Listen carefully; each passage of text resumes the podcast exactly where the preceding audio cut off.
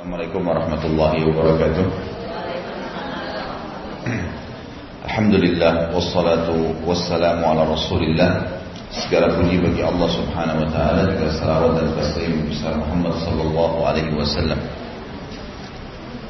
Kita melanjutkan bahasan kitab Bulughul Maram dan pagi ini kita masuk di 1045. Masih tetap di bab menggaul atau bergaul dengan istri.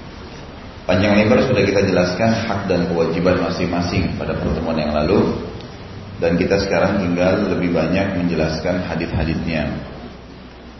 1045 berbunyi wa an Abi Hurairah radhiyallahu anhu anin Nabi sallallahu alaihi wasallam qala man qala yu man kana yu'minu billahi wal yawmil akhir fala yu'dhi jarah واستوصوا بالنساء خيرا فإنهن خلقن من دلع.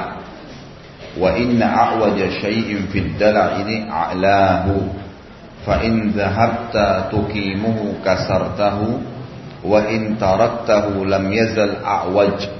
فاستوصوا بالنساء خيرا متفق عليه واللفظ للبخاري. ولمسلم فإن فإن استمتعت بها استمتعت بها وبها عوج وإن ذهبت تقيمها كسرتها وكسرها طلاقها الحمد لله الحمد لله Yarhamkallah bilang ya Bukan Biasa ada yang pakai lafaz untuk perempuan Kalau perempuan yarhamkillah Yarhamkallah untuk laki-laki. Yahdikunallah. Baik saya baca terjemahnya dari Abu Hurairah radhiyallahu anhu bahwa Nabi wasallam bersabda Barang siapa yang mengaku beriman kepada Allah dan hari akhir Maksudnya adalah meyakini Allah ada sebagai Tuhannya sehingga dia patuh dan mengikuti peraturan-peraturannya dan hari akhir maksudnya berharap masuk ke dalam surga dan selamat di akhirat. Berharap mendapatkan pahala dari amal yang dia kerjakan. Janganlah ia menyakiti tetangganya. Hukum tetangga tersendiri. Jadi tetangga itu mau muslim, mau non muslim tetap harus dihormati. Bahkan di dalam syariat kita ada sebuah hadis Nabi SAW yang sahih berbunyi Al-jaru ahakku bisaqabati jarihi. Tetangga itu lebih berhak terhadap tetangganya. Kata para ulama Kalau ada satu orang mau menjual apa saja produknya maka lebih afdal dia kalau nawarin tetangganya. Rumah kah tanah kah gitu kan. Jadi tetangga itu lebih pantas dalam hadis lain kata Nabi Shallallahu Alaihi Wasallam kalau kalian memasak makanan atau memiliki makanan maka perbanyaklah dan berikan kepada tetangga-tetangga. Ini ada hak-hak tersendiri. Dalam bab zina Pernah kita jelaskan hadisnya, zina itu ada beberapa tingkatan. Yang paling ringan di zina tapi tetap dosa besar adalah seseorang yang mampir di sebuah tempat perzinahan, dia tidak kenal pasangan itu lalu dia berzina. Atau seseorang maaf pacaran kemudian berzina. Ini dosa besar. Tapi ini masih tingkat yang terendah. Ada tingkat yang lebih berat daripada itu adalah berzina dengan tetangga dosanya lebih berat kemudian ada lagi zina di atasnya itu zinanya kakek-kakek dan nenek-nenek. Jadi sudah tidak ada hajat tapi masih berzina. Ini godaan syaitan. Ini lebih berat lagi dosanya. Kemudian di atasnya lagi zina dengan mahram. Ini yang paling berat. Ini yang paling berat. Dan ini hukumnya memang sudah harus dihukum mati ya. Tapi yang jelas ada bahasan khusus dengan berzina eh, berzina itu dengan tetangga lebih berat daripada zina umumnya. Ini termasuk bahasan. Nabi SAW mengingatkan tidak boleh menyakiti tetangga apa pun sifatnya. Nggak boleh parkir sembarangan sehingga menutupi tempatnya, kalau ada sesuatu yang kita butuhkan, ingin mengundang, kita mengundang dia lebih dulu, tangga itu. walaupun non muslim, walaupun non muslim. Jadi mereka punya hak. Di sini kata Nabi SAW dan hendaklah engkau sekalian atau kalian melaksanakan wasiatku untuk berbuat baik pada kaum wanita. Berbuat baik untuk kaum wanita. Perbuatan baik untuk wanita adalah bertutur kata yang baik, menuntun dengan cara yang baik, memberikan naungan, perlindungan yang baik, gitu kan. Misal pada saat menjadi anak gadis yang belum menikah, maka orang tuanya yang dibebankan.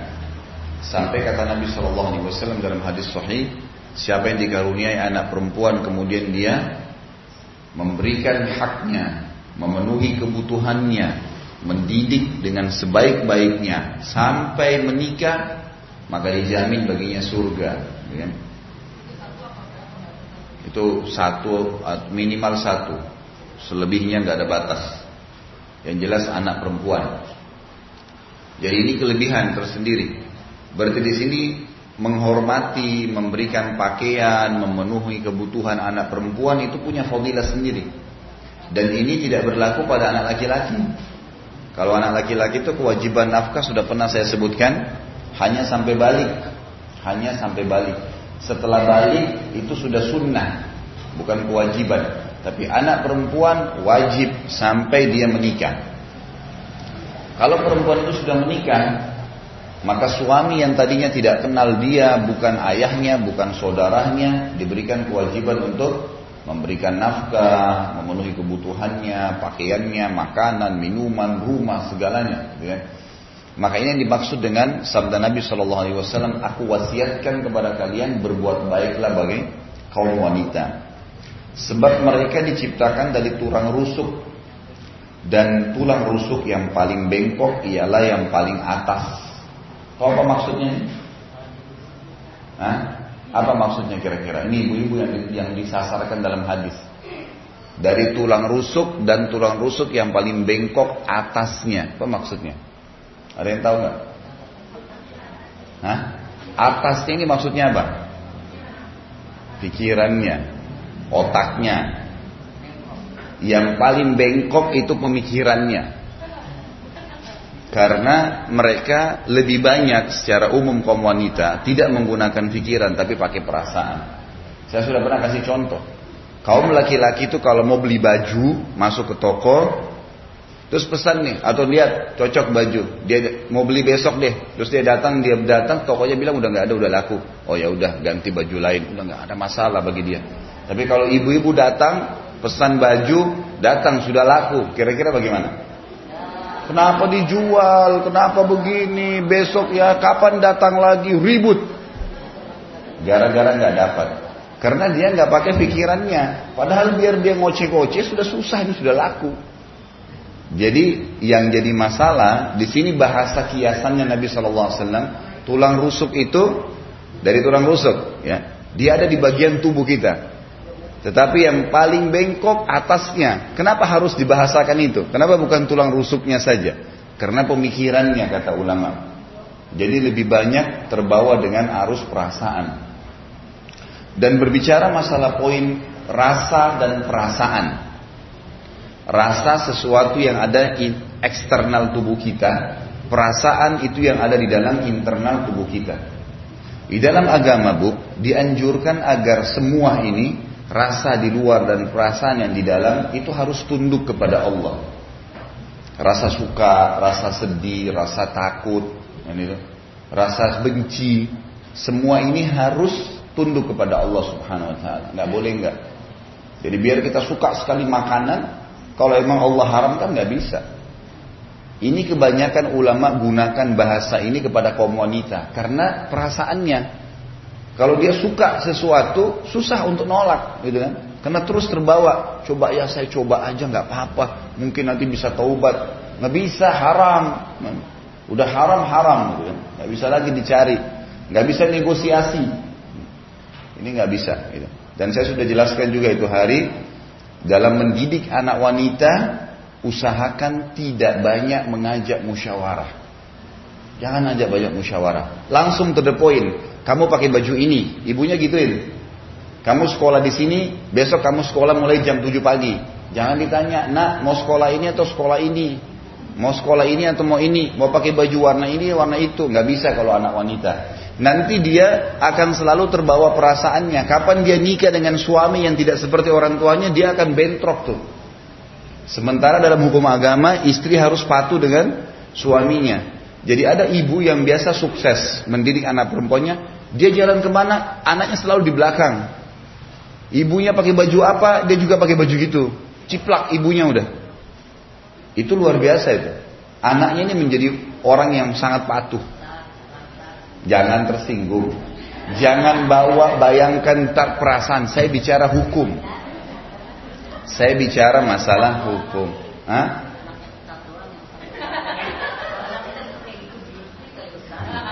Insya Allah. Ini idealnya. Kalau kalau mau menjalankan, kalau sudah terlambat ya belum bercucu lah. Gitu. Masih ada cucu. Masih ada cucu insya Allah. Tapi saya bicara di sini sebagai seorang guru ngajarin hukum agama. Jadi jangan bawa perasaan. Dari kemarin-kemarin saya ingatin. Jangan kalau kita bicara cerai bayangin dirinya. Cara masalah poligami bayangin dirinya. Ini nggak bisa. Nggak selesai-selesai bicara masalah hukum nih. Hukum Allah begitu. Kan itu. Ambil sebagai pelajaran. Kalau mau selamat memang begitu. Ini makna hadis tadi yang dikatakan dari tulang rusuk itu. Gitu kan? Pikiran. Anak laki-laki makin sering diajak musyawarah makin bagus. Jadi nanti dia jadi penentu keputusan. Itu yang tepat. Nah, kamu mau ini atau ini? Dari kecil nggak apa-apa. Saya mau ini ibu. Baik, biarin. Nanti dia penentu keputusan tuh. Memang dia pemimpin di masyarakat. Perempuan nggak bisa. Kalau dibiasakan dengan seperti itu, dia terus akan membangkang sampai dia tua. Susah. Idealnya memang harus digituin. Pakai ini nak, pakai ini nak. Kalaupun misalnya dia protes, ya, protes itu biasanya terjadi karena sudah ada akumulasi sebelumnya. Kalau dari kecil dibiasakan, memang sudah dari kecil pakai ini. Ini baju, dibeliin pakaian sudah ada di lemarinya, gitu kan. Emang sudah siap saji lah, gitu, gitu. Itu jauh lebih tepat. Allah alam ini yang saya tahu ya. Kemudian dikatakan dan tulang rusuk paling mewah adalah bagian paling atas jika engkau meluruskannya berarti engkau mematahkannya. Di sini maksudnya bukan meluruskan sebenarnya. Jika engkau memaksanya, terjemahnya lebih tepat itu. Bukan meluruskan, memaksa. Jika engkau memaksanya, berarti engkau mematahkannya dan jika engkau membiarkannya, ia tetap akan bengkok. Maka hendaklah kalian melaksanakan wasiatku untuk berbuat baik kepada wanita. Muttafaqun alaih dan lafadznya menurut Imam Bukhari. Jadi dari makna ini kaum wanita, maaf, jangan tersinggung, jangan bawa perasaan. Walaupun pendidikannya sudah tinggi, tetap butuh panduan tetap butuh untuk dilindungi, dididik, diinstruksikan oleh pasangannya. Emang sudah begitu fitrahnya. Perasaan wanita, wanita itu kalau misalnya dikatakan kamu kerja ini ya, kamu lakukan ini ya, merasa punya satu tanggung jawab, gitu kan. Itu merasa ada perhatian dari pasangan. Beda dengan laki-laki. Laki-laki nggak boleh malah. Kalau dia coba ibu sering, menurut saya begini, menurut saya begini, pasti bentrok. Susah. Memang karakter dia sebagai pemimpin. Mungkin kalau dia ajak bermusyawarah ibu kalau tidak mau ribut sama suami. Kalau dia bilang bagaimana pendapat kamu ini baru kita katakan ini. Jangan belum diajak musyawarah sudah menurut saya begini, menurut saya begini. Atau dia beli sesuatu kenapa kamu beli nggak bilang sama saya. Itu pasti ribut sudah. Karena dia punya karakter kelaki-lakian dan saya sudah bicara panjang lebar yang kemarin. Dia merasa dia penentu keputusan. Udah, kalau tidak ada pelanggaran dalam agama, sudahlah, biarin aja, gitu kan. Nikmatin aja, ada masalah. Yang penting kan hak kita terpenuhi. Ada naungan, ada segalanya gitu ya. Kecuali saya bilang kemarin berantakan, nggak baik memang ya, buruk itu lain. Tapi kalau enggak, maka tidak ada masalah. Kita lihat kehidupan para istri Nabi Shallallahu Alaihi Wasallam. Kalau Nabi Shallallahu Alaihi Wasallam mengambil sebuah keputusan, maka mereka tidak membantah. Nabi SAW datang membawa makanan tertentu atau apa sajalah yang Nabi SAW bawa ke dalam rumahnya maka selesai istrinya menerima dan akhirnya sama-sama dinikmatin umumnya seperti itu kita lihat riwayat Imam Muslim ada tambahannya jika engkau ya, menikmati maksudnya di sini adalah engkau istinta ini, engkau terbawa dengan arus dia. Ini.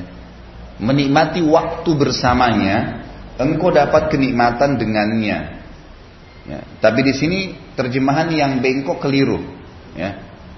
Di situ tolong dikasih koma lagi, engkau dapat kenikmatan dengannya, kasih koma di situ.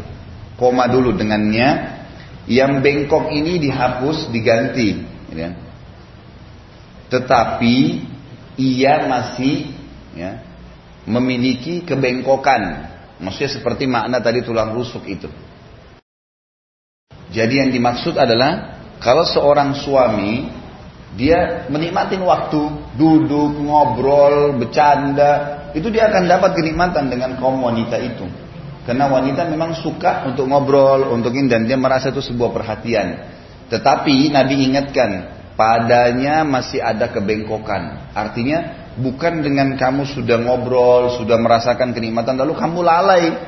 Kamu anggap dia diberikan kewenangan untuk kepemimpinan, udah dia yang atur segalanya itu nggak bisa. Tetap ada kebengkokan kata Nabi SAW. Tetap butuh panduan. Kemudian dikatakan dan jika engkau meluruskannya, Berarti engkau mematahkannya. Di sini meluruskan saya bilang tadi diganti memaksanya ya. Jadi kalau adapun keinginan kaum wanita yang memang suaminya belum inginkan, maka suaminya bisa mengalihkan kepada yang lain, bukan dengan kasar, gitu kan? Karena dengan perbuatan kasar itu akan menyentuh perasaan. Dan biasanya kalau sudah perasaan yang berbicara ini yang ada dendam. Kan itu. Laki-laki itu karena tidak pakai perasaan mereka tidak dendam. Saya sudah kasih contoh yang lalu. Kalau ibu lagi ribut sama suami di SMS misalnya, ah, panjang lebar. Suami itu habis baca, dia jengkel, tapi dihapus sama dia. Dia nggak mau pusing lagi, sudahlah. Dihapus. Tapi kalau ibu nggak, dibaca tujuh kali, delapan kali, diulang-ulangi. Ini, ini dia bilang ini nih, oh ini dia bilang ini nih. Kadang-kadang sudah satu tahun lewat, tahun lalu kamu bilang itu. Suaminya bilang yang mana? Saya sudah lupa. Nggak ada lagi. Tapi dia masih ingat. Ini batu-batu kenapa nih? Jadi seperti itu ya. Di sini Nabi SAW mewasiatkan jangan kasar, nggak boleh kasar. Laki-laki dalam Islam haram hukumnya nggak boleh kasar, tapi boleh tegas. Ini boleh, ini nggak boleh, gitu gitu. Ini saya suka, ini saya nggak suka, itu tegas namanya. Tapi kasar, mencaci maki, apalagi ini lisan saja nggak boleh, apalagi kalau sudah sampai main tangan dan segalanya ini naudzubillah jauh dari keimanan. Karena memang dalam Islam kita tidak boleh berbuat kasar, tidak boleh memang dilarang. Lah sama anak, sampai sama musuh pun nggak boleh kasar. Terjemahan yang dikatakan ya, Al-Quran, A'udzubillah Muhammadur Rasulullah, Muhammad benar utusan Allah, walladina ma'ahu dan yang bersama dengan dia, maksudnya para sahabat, asyiddau alal kufar ruhama'u bainahum. Asyidda ini sering dikatakan keras terhadap orang-orang kafir. Keliru terjemahannya. Tegas terhadap orang kafir. Beda ya, beda. Tegas. Maaf, ini nggak boleh dalam agama saya. Begitu tegas namanya. Jadi orang tahu oh ini nggak boleh. Bukan kasar, enggak. Ini keras ini tidak tepat terjemahan keras dengan orang-orang kafir dan berkasih sayang di antara mereka. Coba kalau orang kafir baca ayat ini apa yang dia bilang? Oh berarti Islam suruh keras nih. Keras mana enggak? Tegas.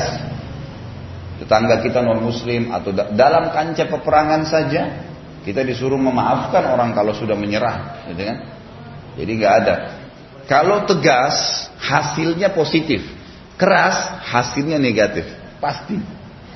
Makanya kata Nabi SAW, tidak ada sesuatu yang dihiasi dengan kelembutan, gitu kan? Dan tegas ini bisa masuk di sebuah keputusan yang memang butuh sesuatu yang tegas, atau dia masuk di lembut. Bisa saja lembut, gitu kan? Mungkin perilaku-perilaku lembut, mungkin orang lagi duduk suami istri, dia pada saat berbicara pun, e, saya buatin kopi ya, maaf saya nggak minum kopi. Misal, itu sudah masuk dalam ketegasan, tapi dia masuk dalam kelembutan. Kalau keras nggak bisa masuk di lembut sama sekali. Mustahil udah. Pasti akan mengubah tatapan mata, mengubah kata-kata yang diucapin, anggota tubuh akan ber, mengikuti semua kekerasan itu. Kemudian hatinya akan rusak. Nggak bisa. Makanya tidak boleh keras, tapi harus tegas. Di sini dikatakan Kalau engkau memaksanya, maka engkau akan mematahkannya dan mematahkannya adalah menceraikannya. Artinya begini, kaum laki-laki harus paham, udah biasa langganan perempuan sedikit tersentuh perasaannya ceraikan saya, udah biasa. Laki-laki harus paham, jangan diiyakan. Nanti nanti besok dibeliin hadiah ketawa lagi, nyesal dia. Kenapa kemarin ucapin itu ya? Ini. Padahal kemarin sudah minta pulang, sudah minta begini.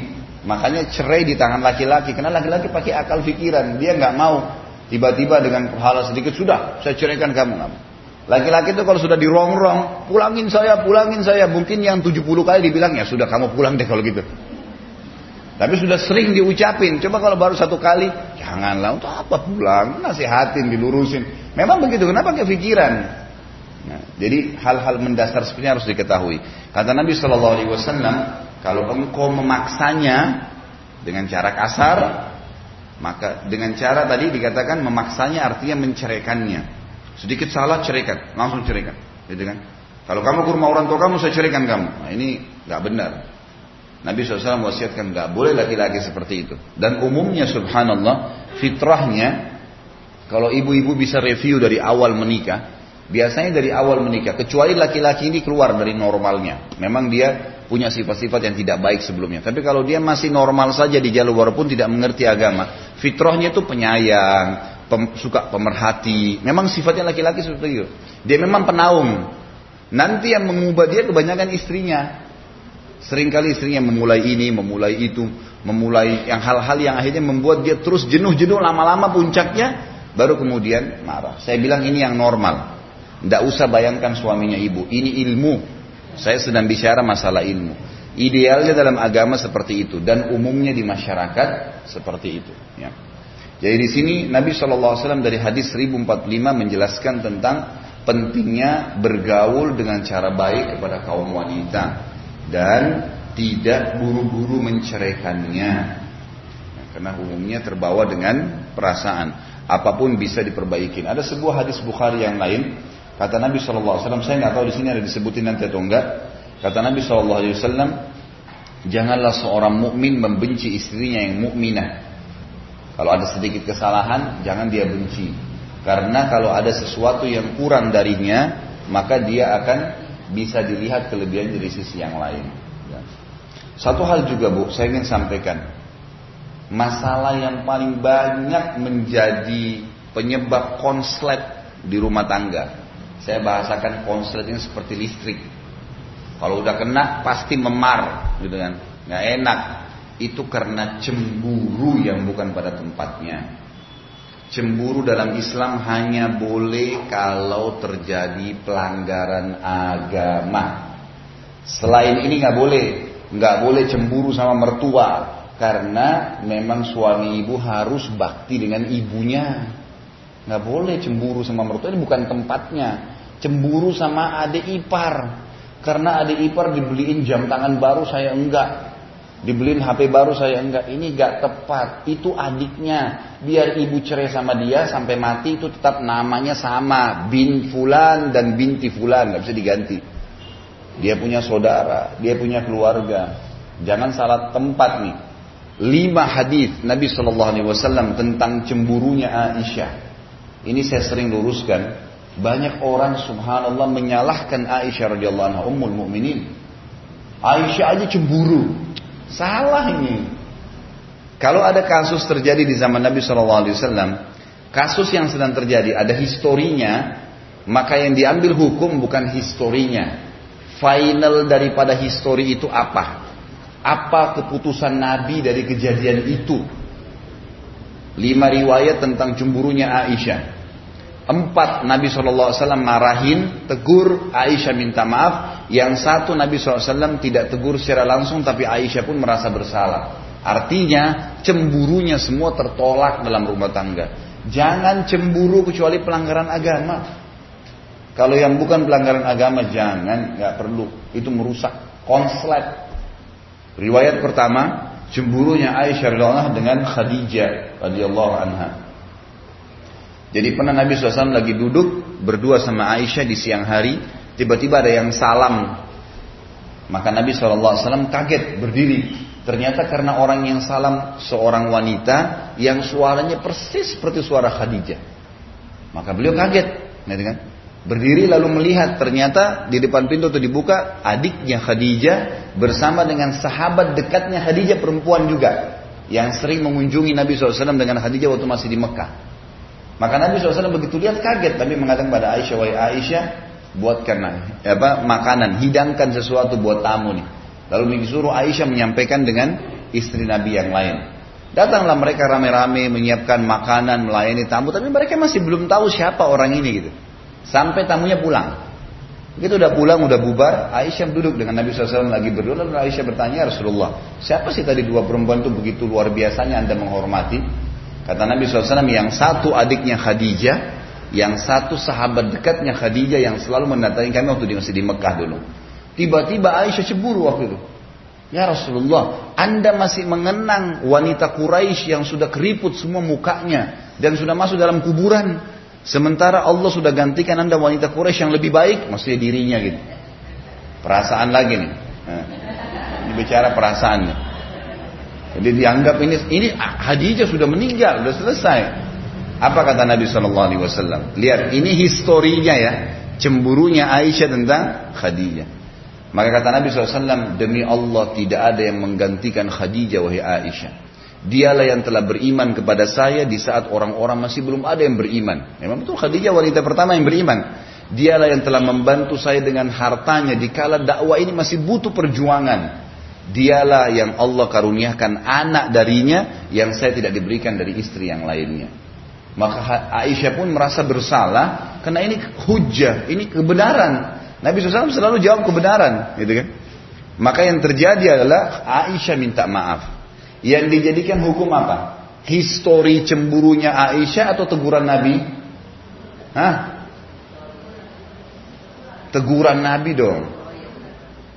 Sejarah tadi histori tentang Aisyah cemburu tuh nggak bisa dijadikan hukum. Karena Nabi SAW habis itu tegur dan Aisyah minta maaf. Berarti yang jadi hukum apa? Teguran Nabi SAW. Itu ilmunya di situ. Banyak orang salah paham. Aisyah aja cemburu, nggak lihat. Ini historinya, hukumnya penentuan dari Nabi SAW. Kalau Nabi iya kan berarti boleh, kalau Nabi tegur berarti tidak boleh. Berarti tidak boleh cemburu nih, gitu kan? Karena ini memang orang yang pernah terlintas. Misal maaf, ada ibu-ibu nikah sama duda misalnya. Lalu si suami ini ceritain, dulu waktu saya sama istri itu saya makan ini. Jangan cemburu. Lo nikah sama duda, dia punya histori hidupnya. Oh iya, sekarang mau saya buatin juga nggak? Dulu saya makannya sayur asem. Mau saya buatin sayur asem juga? Gitu aja. Wah, masa masih dikenang tuh orang? Masa begini, masa begitu. Loh, nikah sama duda orang sudah punya gimana cara? Nggak boleh disalahin. Nggak boleh disalahin karena dia memang cerita. Kadang-kadang kalaupun dia bukan duda, dia masih bujang. Dulu di rumah ibu saya saya makan sayur ini. Wah langsung cemburu lagi sama mertuanya. Hmm? Nah, tuh, makan aja di rumah ibu kamu. Pengalaman gue ya. Alhamdulillah ada contoh. Loh enggak, ini contoh yang benar. Biasanya begitu. Jangan. Apa yang dia sampaikan berarti dia sedang mau dekat dengan ibu, menyampaikan apa yang dia suka, tangkap positifnya. Oh berarti dia suka sayur itu. Ya udah, saya buatin ya. Kita buatin yang lebih hebat supaya dia suka. Kalau kita mau hapus dari memori dia susah, nggak mungkin gitu kan. Ini riwayat yang pertama. Ya, nggak boleh cemburu. Histori bukan patokan hukum, teguran Nabi yang jadi hukum. Riwayat yang kedua, cemburunya Aisyah radhiyallahu anha dengan Sofia binti Huyai. Ini dulu turunan Yahudi. Kebetulan memang Aisyah sama Sofia memiliki kulit yang putih dan terkenal kecantikannya. Nabi Shallallahu Alaihi Wasallam itu kalau dari rumah Sofia biasanya siang ke rumahnya Aisyah, gitu kan? Aisyah langsung cemburu. Baru Nabi masuk langsung Aisyah mengatakannya Rasulullah, Anda masih terus saja datang ke rumahnya anak Yahudi yang pendek dan kerdil itu. Begitu bahasanya. Jadi karena cemburunya terbawa itu. Apa yang terjadi coba? Ini historinya. lihat hukumnya. Kata Nabi SAW, wahai Aisyah, kau telah mengucapkan kalimat dengan mengatakan Sofia kerdil, kau telah mengucapkan kalimat kalau ditaruh di air lautan, rusak tuh lautan. Artinya dosamu berat, gitu kan? Aisyah langsung minta maaf, nggak jadi. Yang mana jadi hukum? Cemburu atau teguran Nabi? Teguran Nabi SAW. Ini masalahnya banyak ustadz-ustadz pun mengatakan Aisyah aja cemburu. Loh subhanallah. Seakan-akan Aisyah disalahin. Aisyah di sini menjadi penyebab hukum kita faham. Sebagaimana kalau ada beberapa sahabat yang melakukan kasus, kemudian ditegur, turunlah hukum kita faham, gitu kan? Jadi kita bukan melihat historinya, itu cuma sekedar kenangannya, kisahnya, penyebab, tapi hukum teguran Nabi SAW. Nabi bolehkan atau tidak? Riwayat yang kedua. Riwayat yang ketiga, cemburu Aisyah di malam nisfu Sya'ban. Dalam sebuah riwayat yang sahih disebutkan bahwasanya satu malam pernah pas malam 15 Sya'ban Nabi SAW lagi tidur memang malam itu malamnya Aisyah gitu kan lalu Aisyah kaget tengah malam lihat Nabi SAW nggak ada di sebelahnya. Tiba-tiba cemburu. Pakai baju kemudian datangin semua istri Nabi yang lain diketukin. Nabi ada nggak? Nabi ada nggak? Nabi ada nggak? Satu-satu. Ternyata semua nggak ada. Mereka bilang kan malam ini malam kamu. Bagaimana Nabi datang ke kami nggak mungkin gitu kan. Maka Aisyah buru-buru ke masjid. Ternyata Nabi SAW lagi sholat tahajud. Lagi di masjid, lagi sholat. Nah Nabi SAW waktu lagi sholat, begitu salam, tahu ada Aisyah di sebelahnya dan nafasnya lagi engah, terengah-engah. Buru-buru ke masjid. Gitu kan. Kata Nabi SAW, wahai Aisyah, kau cemburu lagi. Ini malam nisfu sya'ban. Malamnya sholat malam ini. Aisyah merasa bersalah, gitu kan? minta maaf sudah tiga riwayat ini cuma lima riwayat masalah cemburu nih tiga tiganya sudah ditegur yang keempat cemburunya Aisyah radhiyallahu anha dengan Maria. Maria istri yang lain yang dari Mesir. Maria ini tahu kalau Nabi SAW paling gemar makan madu gitu ya. jadi setiap datang ke sana Nabi selalu dihidangkan madu. Dan kita tahu kalau madu dikonsumsi tidak akan ada bau mulut gitu kan. Nah, Nabi SAW konsumsi madu dan juga tradisi beliau sebelum masuk rumah selalu menggunakan siwak. Kalau kita pakai sikat gigi mungkin sekarang ya, itu selalu agar bau mulutnya wangi pada saat ngobrol sama istri mungkin dia akan ciuman dan seterusnya. Itu tradisi Nabi SAW. Maka Nabi selalu menjaga. Maka Aisyah tahu kalau ini di rumahnya Maria selalu dikasih madu. Karena Nabi SAW kadang cerita. Dia datang ke rumah sebelahnya. Rumah sebelahnya ini Hafsah. Kebetulan orang yang hampir sepadan umurnya. Beda dua tahun, tiga tahun sama Aisyah. Jadi masih muda juga datang ke situ. Mengatakan, hai Hafsah. Kalau Rasulullah SAW datang nanti di rumahmu, bilang mulutnya bau. Ya. Kata Hafsah kenapa? Karena dia dari rumahnya Maria makan madu. Kamu sama saya nggak punya madu, kita bisa nggak bisa hidangin. Kan itu. Jadi biar Nabi SAW nggak makan madu lagi rumahnya Maria. Baiklah, Hafsah setuju. Gitu kan? Ini bertawun dalam hal yang tidak baik nih. Jadi akhirnya Aisyah pulang ke rumahnya sudah sepakat. Ini kan tetangga-tetanggaan. Istri Nabi kebanyakan tetangga-tetanggaan. Yang satu-satunya jauh cuma Maria memang. Agak jauh di pinggir kota Madinah rumahnya. Gitu kan. Maka Nabi selalu datang ke rumah Aisyah. Kemudian Aisyah mengatakan, baru masuknya Rasulullah mulut anda bau. Kok bisa? Saya sudah pakai siwak. Gak mungkin orang sudah sikat gigi segar kemudian bau dan saya cuma makan madu. Pokoknya bau ya Rasulullah. Rasulullah sudah tahu ini ada masalah nih. Ini pasti permainan lagi nih. Baiklah, Nabi SAW keluar. Karena biasanya siang hari beliau memang mendatangi rumah-rumah istrinya gitu kan. Datang ke rumah Hafsah. Hafsah juga bermasuk ya Rasulullah mulut anda bau. Oh, saya enggak, saya sudah pakai siwak. Saya juga udah cuma makan madu. Pokoknya bau ya Rasulullah. Rasulullah SAW sudah tahu ini ada masalah berdua ini. Rasulullah nggak ke rumah yang lain lagi, langsung ke pinggir kota Madinah, kemudian duduk memikirkan, ini kenapa sih mereka ini buat gini? Gitu kan.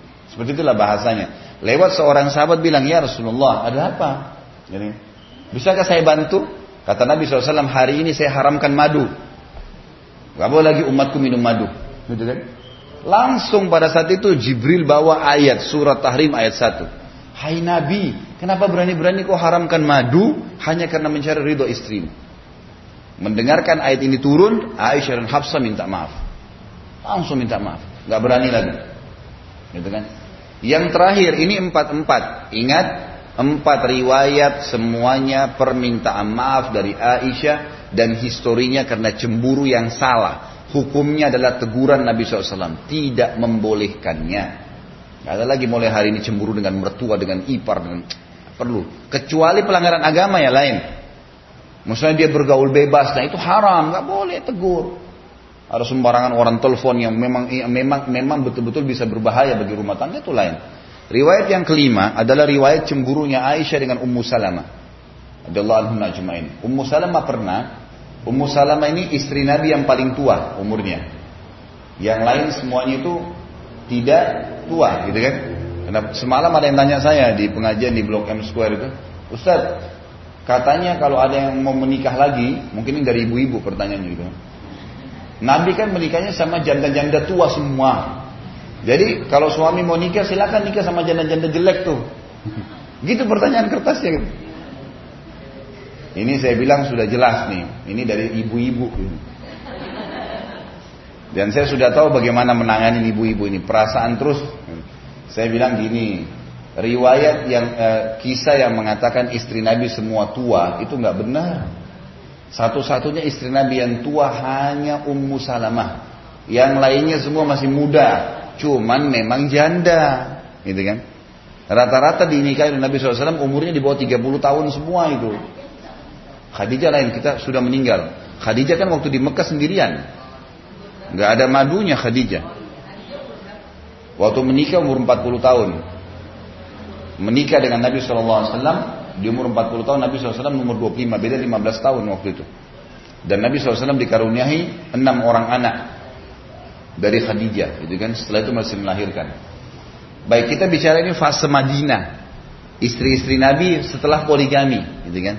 Setelah kasus poligami karena di Mekah tidak ada poligami selama Khadijah masih hidup. Waktu Khadijah sudah meninggal maka Nabi SAW menikahi dua wanita sekaligus Aisyah dengan Sauda. Ini dengan waktu yang bersamaan. Gitu kan. Jadi kita lihat Ummu Salamah ini satu-satunya istri Nabi memang yang berumur dan beliau sangat bijaksana. Orangnya itu dewasa.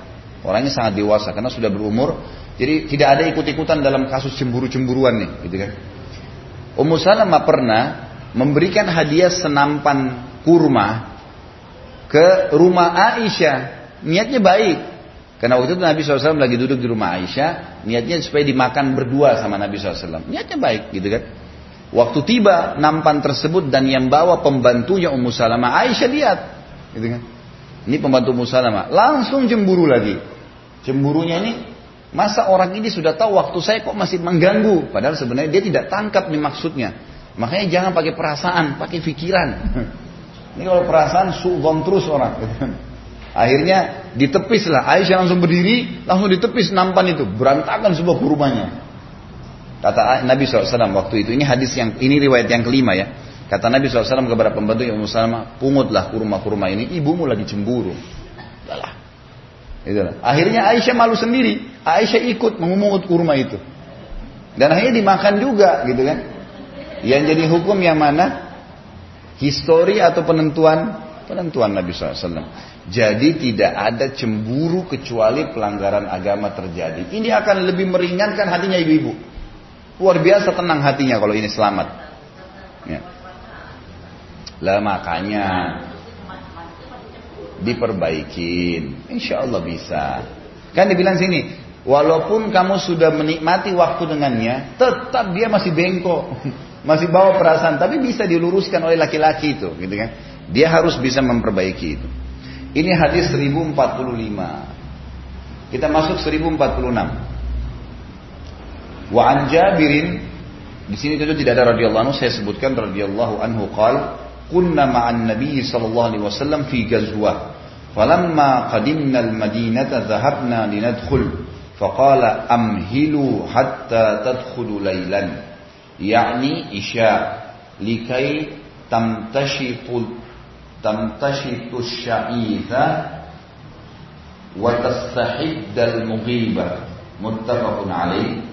Wa fi riwayatin lil Bukhari, "Idza atala ahadukumul ghaiba fala yatruk. Jadi ini adab ya. Kalau laki-laki baru datang dari safar. Jabir radhiyallahu berkata, kami pernah bersama Nabi saw dalam suatu e, perjalanan peperangan ya, pulang dari peperangan. Ketika kami kembali ke Madinah, kami segera berangkat untuk menuju ke rumah kami masing-masing, menemui keluarga, misalnya menemui istrinya. Maka beliau bersabda, bersabarlah sampai kalian masuk ke Madinah pada waktu malam, yakni waktu Isya. Waktu itu kebetulan Waktu itu kebetulan sudah masuk waktu maghrib, dekat waktu maghrib. Nah sahabat-sahabat ini begitu lihat pintu gerbang Madinah, sudah buru-buru mau pulang ketemu dengan istri-istri mereka. Biasanya kalau peperangan soalnya agak lama, bisa sebulan, bisa dua bulan mereka nggak kembali gitu kan.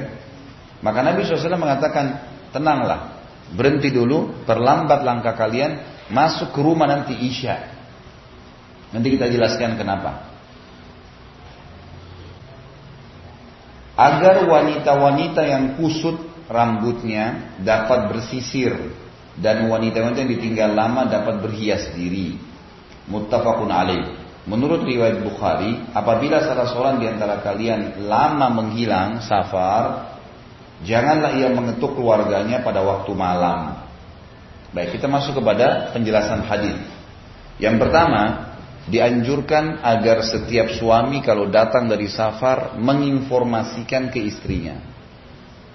Kalau zaman dulu, ini tadi ada dua masalah dalam hadis, ada dua kasus dalam hadis ini. Yang pertama Nabi SAW dengan sahabat-sahabatnya pulang dari peperangan, gitu kan? Pas tiba di gerbang Madinah menjelang maghrib, Nabi SAW tahan mereka, suruh tahan. Jangan masuk dulu sampai isya. Tujuannya adalah berita tentang pasukan sudah datang tersebar dulu. Sehingga semua istri sahabat ini tahu kalau suami mereka sudah pulang. Gitu. Dan mereka punya kesempatan untuk berdandan, merias diri. Gitu. Dan saya sudah jelaskan kemarin ibu-ibu sekalian, laki-laki itu sangat berpengaruh pada kejiwaannya penampilan mata, kasus perut, dan kasus kemaluan. Ini pekah sekali buat mereka pekah. Kalau dia belikan ibu baju atau dia sebutin warna yang dia suka, ibu pakai itu luar biasa bahagianya dia. Gitu kan. Tapi kalau dia bilang, maaf saya suka warna merah, ibu pakai kuning, ibu pakai putih. Dia suruh rambutnya digini ya, dipanjanginnya, enggak, sengaja potong pendek. Jadi kasus penampakan mata ini mungkin bagi ibu nggak terlalu penting, bagi laki-laki luar biasa kedudukannya. Ini luar biasa, pengaruhnya luar biasa pada kejiwaan.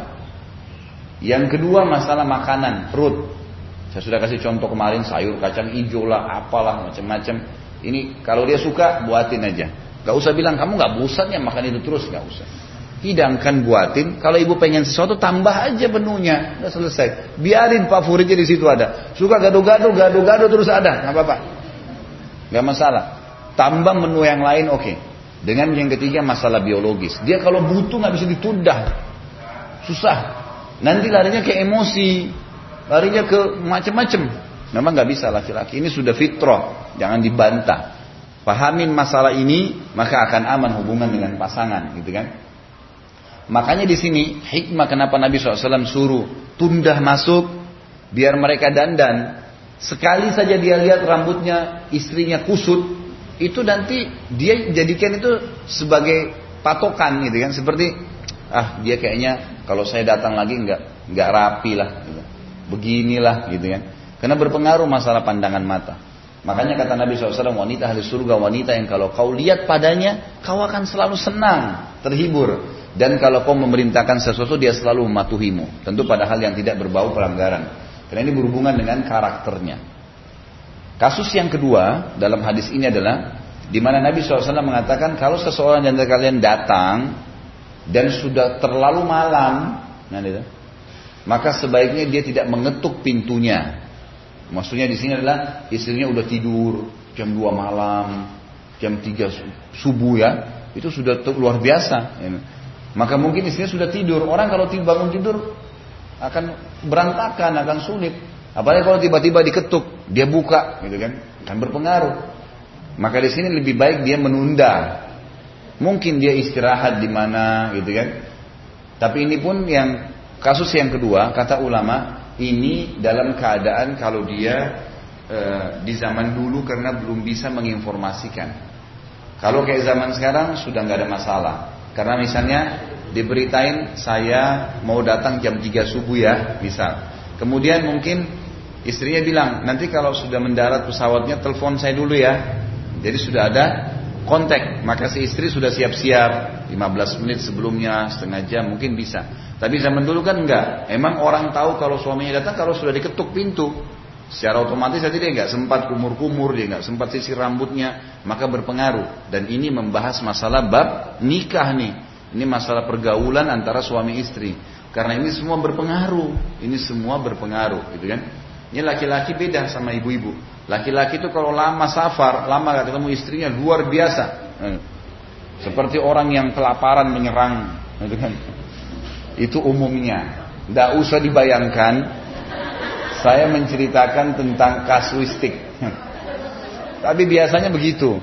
Ulama mengatakan laki-laki kalau lama gaib dari safar dan dia pulang ke rumahnya, maka dia sudah tidak mau tahu keadaan istrinya, gitu kan? Karena memang susah. Kebutuhan biologisnya berpengaruh kepada pikiran, bahkan sampai sebagai ulama fikih mengatakan laki-laki yang tidak melampiaskan biologisnya berpengaruh pada keterangan penglihatannya. Bisa buram matanya. Gitu. Loh iya, Sampai pada tingkat itu. Dan ini bahasan. Ini dalam masalah fikih. Beda dengan ibu-ibu biasa saja, gitu kan? Tidak ada sesuatu yang berpengaruh. Ibu safar seminggu balik lagi ya biasa aja lah, gitu kan? Biasa. Tapi dia enggak seminggu, dua minggu lain, sebulan, waduh lebih parah gitu. Jadi makanya harus mengerti. Ini makna daripada hadis, ya. Ini makna dari hadis. Gak usah mengingat kenangannya ya. Nanti diterapin silakan. Ya. Baik. Ini hadis Ya, ya kalau sudah bisik-bisik itu biasa ceritain kenangan, pengalaman. Sudah nggak apa-apa. Saya nggak perlu dengar. Baik. Jadi hadis ini sebenarnya tujuannya adalah masalah menjaga keharmonisan rumah tangga. Karena sangat pekah bagi laki-laki, gitu kan? Bau badan, bau mulut, penampilan itu semua sangat luar biasa berpengaruh bagi dia. Ini.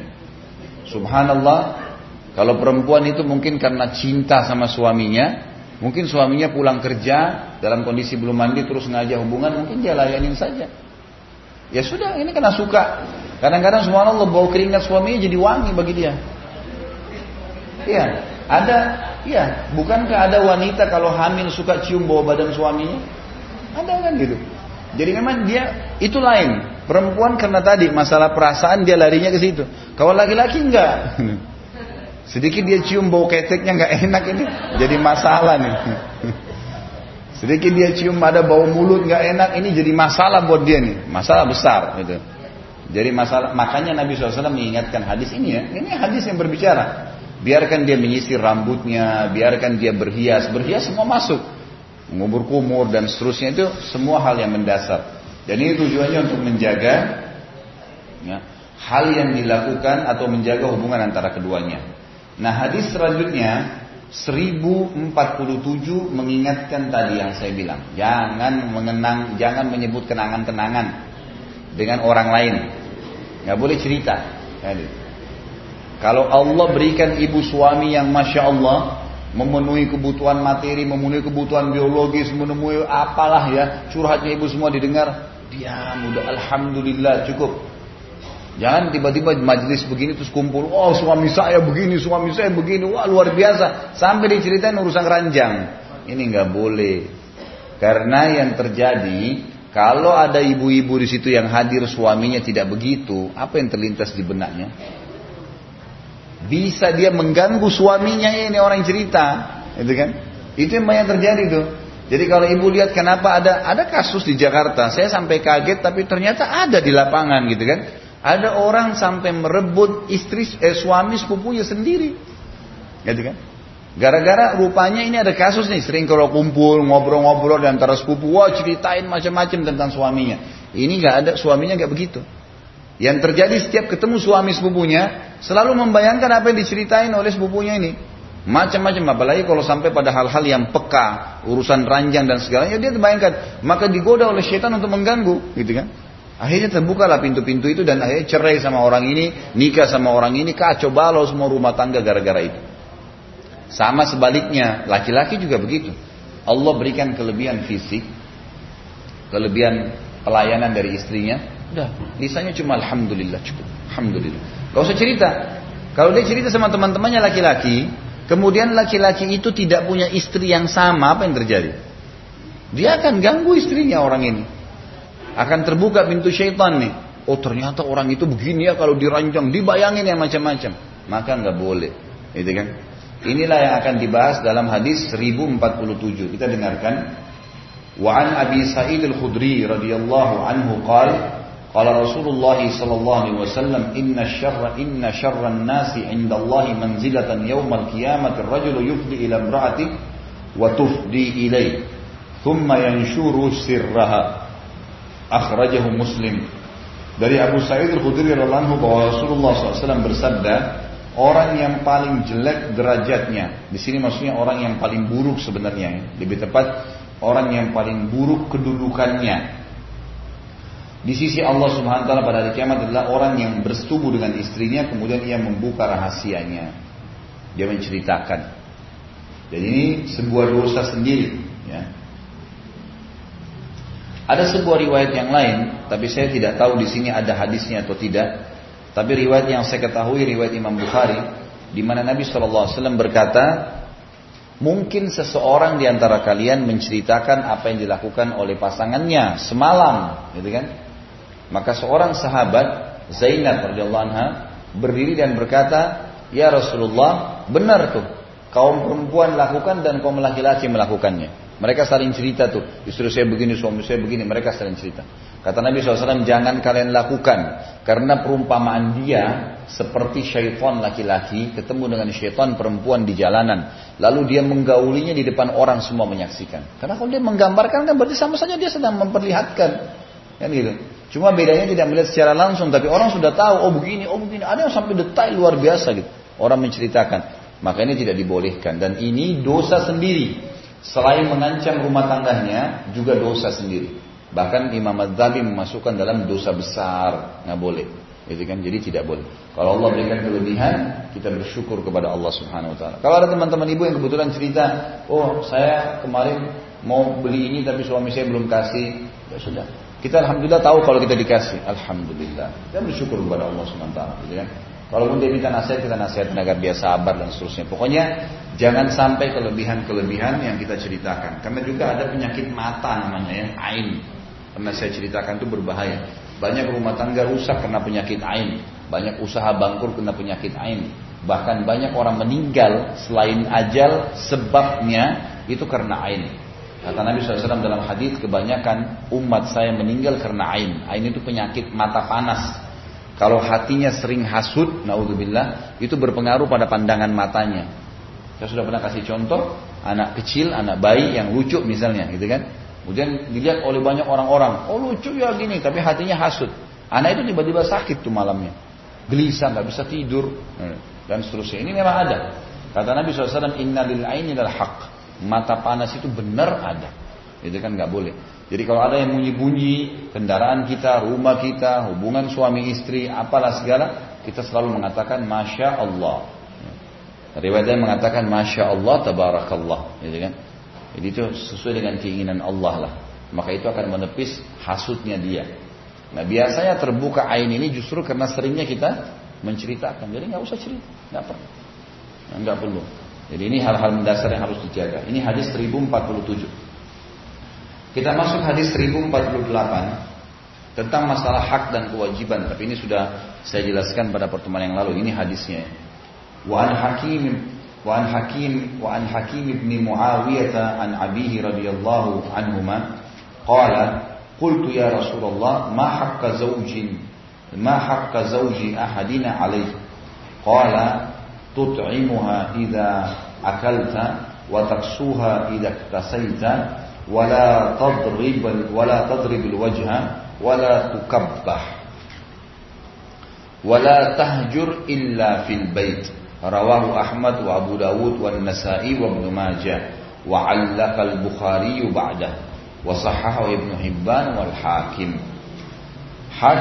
bin Muawiyah dari ayahnya radhiyallahu anhu beliau berkata, aku berkata, wahai Rasulullah, apakah kewajiban seseorang dari kami terhadap istrinya?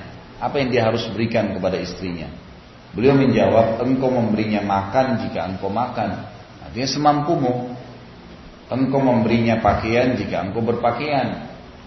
Dan jangan mukul wajah. Jangan menjelek-jelekkan. Dan jangan menemani tidur kecuali di, di dalam rumah. Ini keliru ini. Wala tahajur illa fil bait, bukan jangan menemani tidur. Hajar itu justru tidak menemani tidur. Ya, jadi di sini ditambah tidak.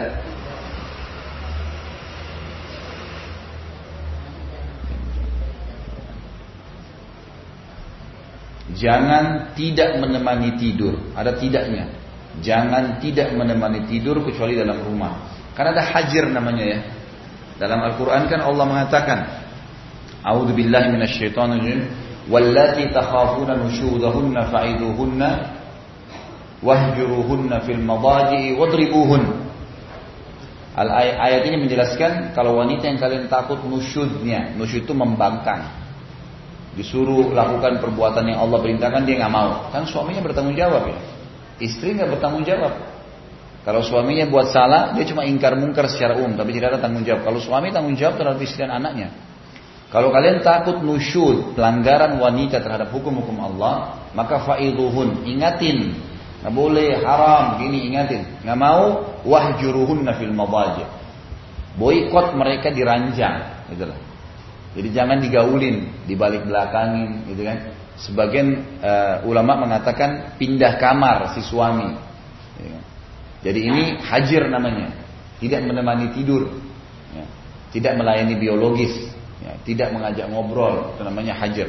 Kalau juga tidak mau, tetap membangkang, tetap keluar rumah tanpa izin, tetap melakukan pelanggaran agama, nggak mau sholat, nggak mau tutup aurat dan seterusnya, maka boleh dipukul. Tapi pukulannya kata para ulama masuk dalam makna darbatun ghairu mubarrah. Pukulan yang tidak menyisakan bekas. Sebagian ulama memberikan contoh dengan mengambil kayu siwak yang dipukulkan ke tangannya, gitu kan? Mungkin pakai jari, kamu udah salah, gitu kan? Jadi bukan nampar, bukan nendang dan seterusnya ini luar biasa. Saya kaget ada sebagian istri sudah memar-memar di box seperti lagi main tinju. Kenapa nggak masuk di ring aja, gitu kan? Sekalian kasih sarung tinju, betak berantem deh, gitu. Ini ngapain pukul-pukulan ini, gitu kan? Ini semua dari syaitan. Ini kena ketidakfahaman terhadap agama. Ini tidak boleh. Orang kalau faham agama insya Allah jauh dari itu. Jadi dimaksud dari hadis ini adalah dan dia dan jangan tidak menemani tidur. Hajar maksudnya. Jangan sampai engkau meninggalkan ranjang dan tidak menggauli dia kecuali di rumahmu. Gak boleh di luar. Misal lagi nginap di rumahnya mertua, gitu kan? Kemudian dia pindah kamar tuh nggak. Artinya tidak boleh orang lain tahu harus tertutup. Tidak boleh kecuali di rumahmu. Itu yang dimaksud di sini. Jadi hadis ini memberikan pelajaran kepada kita adanya kewajiban suami dan hak istri. Kewajiban suami adalah yang pertama memberikan makan dan minum serta pakaian semampunya yang dia mampu. Kemudian juga yang kedua tidak boleh memukul wajah, tidak boleh menjelek-jelekkan Yukabbah ini ngucapin kata-kata yang menghina, menjatuhkan, apalah. Kau memang dasarnya dari keluarga begini. Naudzubillah ini nggak boleh, gitu. Kau memang begini, kau memang begitu. Oh memang masa lalu kamu begini. Termasuk selain jangan cemburu buta tadi yang saya diberikan, juga jangan pernah menyebut-nyebut masa lalu, nggak perlu, nggak bisa. Sekarang ya sekarang, nggak boleh, gitu kan. Ada salah satu kakak ipar saya, Kebetulan suami dia uh, memang kerja di sebuah kantor yang ber, masih bercampur baur gitu kan. Memang suaminya masih umum lah.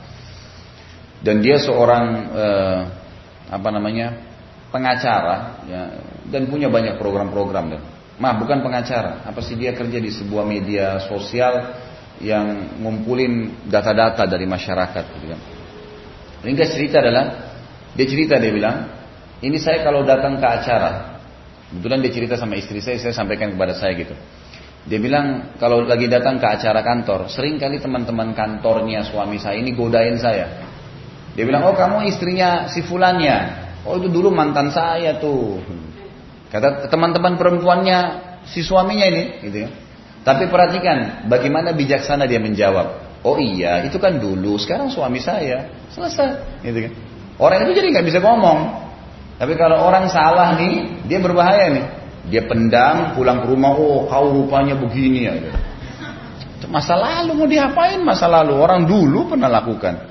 Umar bin Khattab dulu pemabuk, gitu kan. Tapi setelah sekarang lain.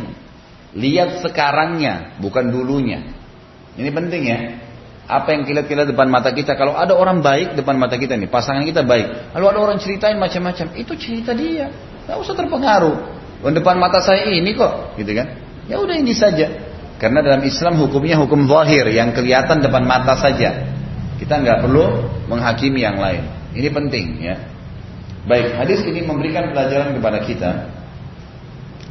bahwasanya Laki-laki harus memberikan hak istrinya. Ini kewajiban dia. Pakaian, makanan dan seterusnya dan saya sudah jelaskan pada pertemuan yang sebelumnya.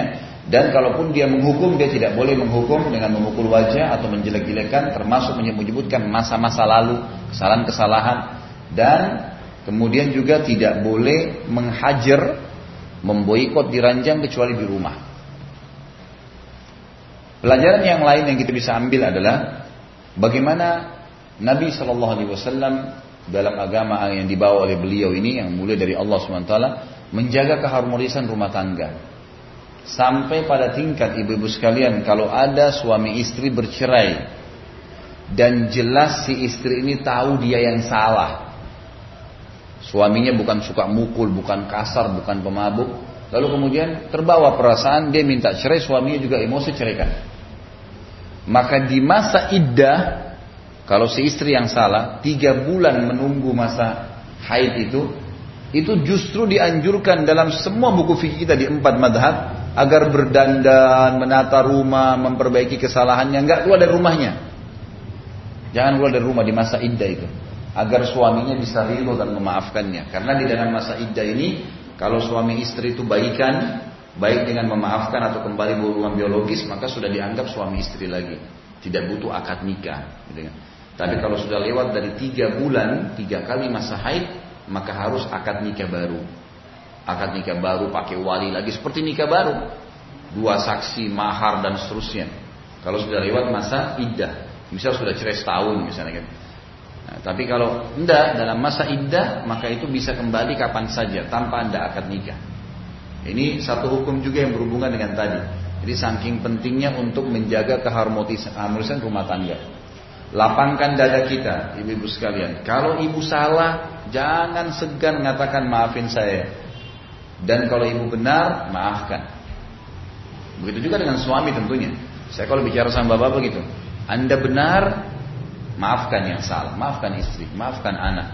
Kalau anda salah, jangan segan mengucapkan saya minta maaf. Karena itu perintah agama. Gitu kan? Kita jalankan agama.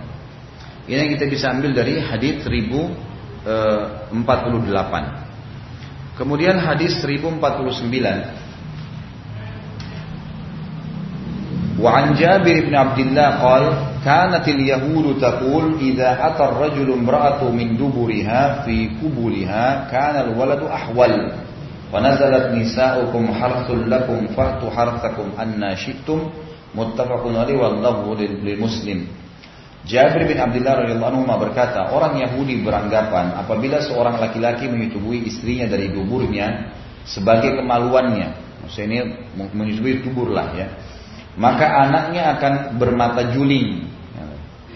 Lalu turunlah ayat artinya istrimu adalah ladang milikmu, maka datangilah ladangmu dari mana engkau suka. Muttafaqun ali dan lafadznya menurut Imam Muslim. Di sini ada terjemahan yang keliru dari buku ini. Terjemahan yang sebenarnya adalah orang-orang Yahudi mengatakan siapa pun suami yang menggauli istrinya di kemaluannya tapi dengan menunggingkannya, gitu kan. Kesannya seperti dubur tapi sebenarnya bukan. Karena saya sudah jelaskan kemarin tradisi masyarakat Mekah berhubungan biologis selalu begitu. Tradisi masyarakat Madinah istrinya yang tidur di bawah, suaminya di atas. Maka beberapa sahabat muhajirin waktu mereka hijrah ke Madinah, mereka nikah dengan wanita Ansar, mereka ingin menggauli dengan cara Mekah. Ternyata ini ditolak oleh wanita-wanita Madinah. Mereka nggak kenal cara itu. Maka kemudian sampai kepada Nabi SAW. Lalu turunlah firman Allah ini. Wanita itu adalah ladang kalian, maka gaulilah sesuai yang kalian inginkan. Gitu kan? Sesuai yang kalian inginkan. Orang-orang Yahudi di sini mengatakan karena pada saat turun firman Allah ini maka wanita Madinah akhirnya mengiyakan suaminya mau apa pun silahkan yang penting bukan didubur. Maka orang Yahudi lemparin isu tuh. Siapa pun yang menggauli istrinya karena orang-orang Madinah waktu itu tinggal di Madinah dan mereka juga sudah terbawa dengan arus kebiasaan biologis masyarakat Madinah. Pokoknya nggak pernah mengubah cara lain. Mereka cuma istrinya di bawah suaminya di atas. Mereka nggak kenal yang lain. Orang-orang Yahudi pun itu waktu sahabat muhajirin hijrah Madinah. Kemudian mereka mau gauli istri-istrinya nolak dengan cara seperti itu lalu kemudian sampai ke mana bisa turun firman Allah mengingatkan itu ladang kalian gaulilah yang penting bukan didubur selesai. Yang lainnya boleh gitu kan? Yang lainnya boleh. Maka Yahudi mengelemparkan isu kalau kalian gauli istri kalian dengan cara begitu kayak di Mekah nanti anaknya juling gitu. ini isu saja. Hadis ini menjelaskan masalah itu Hadis ini memberikan pelajaran kepada kita bahwasanya dalam hubungan biologis yang saya sudah jelaskan di awal kitab nikah ini boleh bergaul dengan cara apa pun termasuk yang diharamkan secara individu boleh dilakukan dengan pasangan. Seperti onani laki-laki haram tapi kalau suami istrinya yang onani kan tidak ada masalah gitu kan? Boleh beristinta pada saat istri lagi haid pada saat istri lagi nifas ya. ini atau suami dalam kondisi saya berikan contoh kemarin lumpuh tapi istrinya tetap mau berkhidmah, dia punya kebutuhan biologis, maka dia boleh beristinta dengan cara yang dibolehkan, apa saja. Gitu kan? Termasuk saya jelaskan kemarin masalah oral seks, gitu kan? Itu dibolehkan di dalam pendapat sebagian besar ulama. Jadi hadis ini memberikan gambaran kepada kita tentang bolehnya bergaul biologis dengan cara apa saja kecuali yang diharamkan. Yang diharamkan itu ada dua, tidak boleh meletakkan kemaluan di dubur ini mutlak.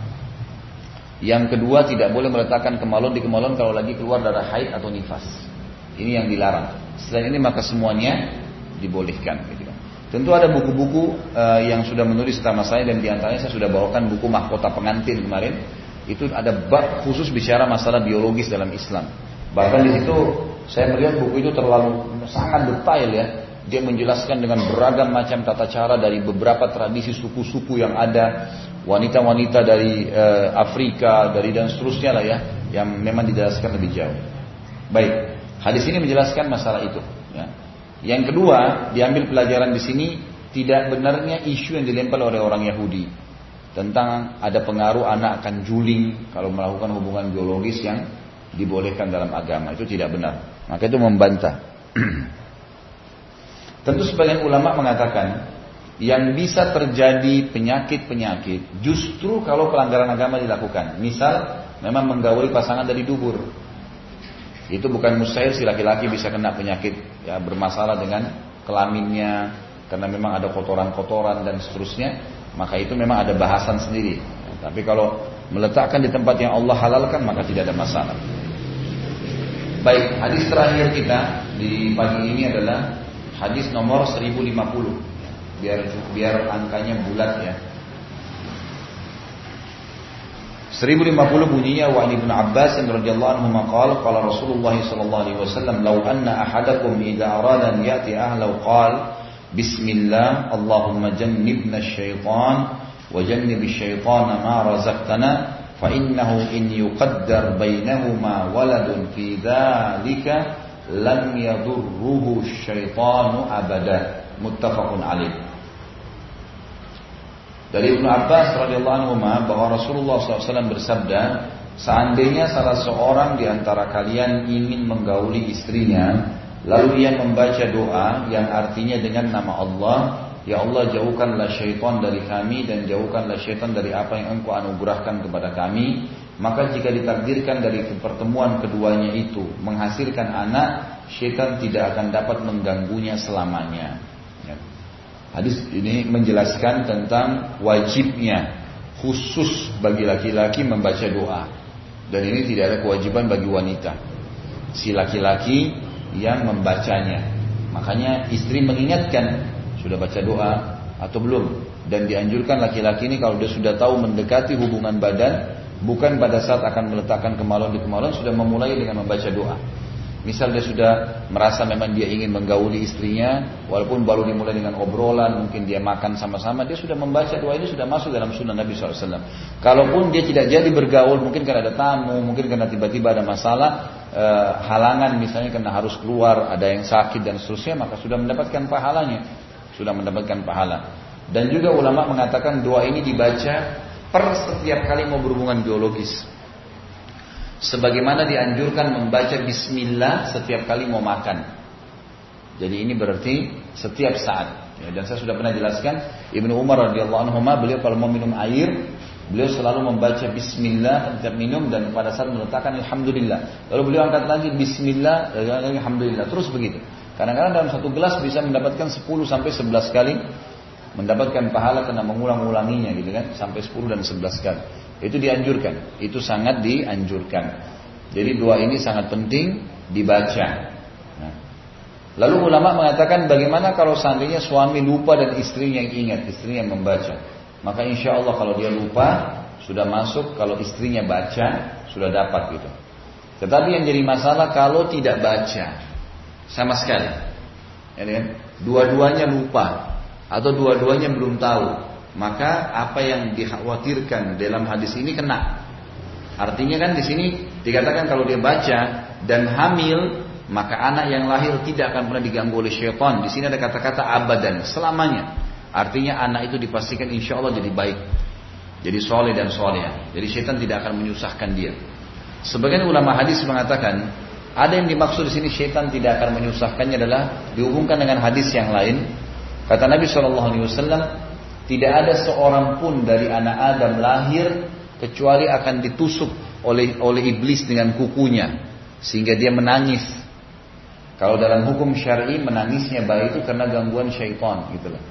Ini ada hadis yang menjelaskan, ada bahasan sendiri tentunya.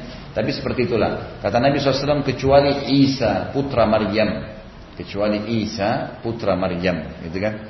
Ini dalam hadis begitu. Allah alam apa maksudnya, tapi yang jelas kemungkinan kata ulama hadis Maryam alaihissalam berdoa kepada Allah pada saat hamil ini uidu ya eh, artinya gini saya menjauhkan diri saya dan keluar keturunan saya dari syaitan yang terkutuk. Ya, jadi dia sudah berdoa dari sebelum melahirkan. Maka anaknya selamat dari tusukan iblis itu yang membuat anak-anak menangis gitu ini sebuah pendapat ya yang mengatakan yang dimaksud dengan hadis tadi syaitan tidak akan mengganggunya adalah tidak akan mengganggu pada saat lahir. Tapi makna yang lebih kuat adalah makna yang secara umum selama hidupnya anak itu tidak akan diganggu oleh syaitan. Insya Allah menjadi anak yang soleh dan soleha. Itu yang dimaksudkan. Jadi eh, pelajaran pertama kita dianjurkan membaca doa pada saat memulus dan lebih fokus ke masalah eh, kepada laki-laki. Gitu. Jadi dia harus selalu mengingat tentang poin ini. Yang kedua, adanya jaminan bagi orang yang membaca doa ini akan selamat dari syaitan. Ada riwayat lain yang menjelaskan siapa yang lupa atau tidak membaca doa ini, maka syaitan partisipasi dalam biologis itu. Jadi dia pun terlibat dalam kenikmatan biologis si syaitan itu. Karena syaitan itu bisa ikut ya. Contoh begini, syaitan itu bisa uh, datang dalam mimpi sehingga orang mandi junub, dia junub. Makanya dikatakan Nabi SAW tidak pernah mandi junub, tidak pernah mimpi junub. Jadi saya kalau di bapak-bapak saya bilang bapak-bapak kalau mimpi junub jangan dianggap prestasi. Itu gangguan syaitan. Syaitan yang mengganggu itu. Sehingga terjadi ya junub itu. Allah alam apakah syaitan berhubungan biologis dengan dia atau mempermainkan tubuhnya yang jelas itu dari syaitan itu dari syaitan. Jadi kalau ibu-ibu juga mimpi tiba-tiba ketemu dengan laki-laki terus kemudian didekatin terus bergaul dan seterusnya itu dari syaitan semua.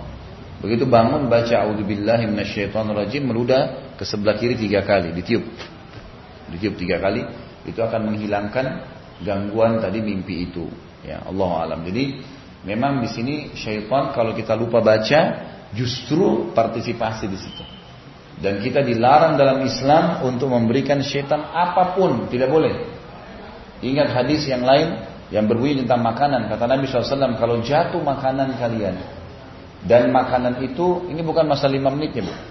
Jatuh makanan yang tidak kotor. Mungkin bukan kayak, kayak misalnya makanan basah yang melengket banyak kotoran sudah dibersihkan. Kalau Makanan kering, kerupuk lah, apalah ya, ayam goreng mungkin bersih di lantai jatuh. Itu disuruh angkat oleh Nabi SAW. Angkat, bersihkanlah dan makan dan jangan dia biarkan untuk syaitan. Kata sebagian ulama hadis apa? Seringkali syaitan membuat manusia lupa baca bismillah sehingga dia punya andil di makanan itu. Seringkali dia membuat syaitan itu membuang-buang makanan yang masih ada. Itu. Sehingga akhirnya menjadi bagian dari makanannya. Dia hidup dari situ. Subhanallah kadang-kadang saya lihat banyak orang minum di pinggir jalan dengan tangan kiri. Hausnya dia hilang, tapi syaitan juga punya andil di situ, gitu kan? Atau dia dengan tangan kanan tapi lupa baca bismillah. Maka dia hilang hausnya tapi syaitan dapat minum dari situ. Jadi permusuhan dengan syaitan ini abadi, nggak boleh. Enggak, diahnya men, jadi memang dia tidak boleh diimpikan. Dia dia kesannya akan selalu bersama dengan manusia itu. Jadi kalau dia seperti ini, Bu. Kalau ada manusia yang setiap kita makan kita kasih, setiap kita minum kita kasih, setiap apa saja kita kasih ke dia, pasti kan dia selalu nebeng sama kita. Akan selalu ada dan selama syaitan ada di sebelah kita musuh, kira-kira dia mengganggu nggak? Nah iya, itu masalahnya, gitu kan? Bisa, tapi kan kalau dia bisa dapat gratis, sementara tugas dia memang mengganggu manusia, ya kan? Nggak bisa.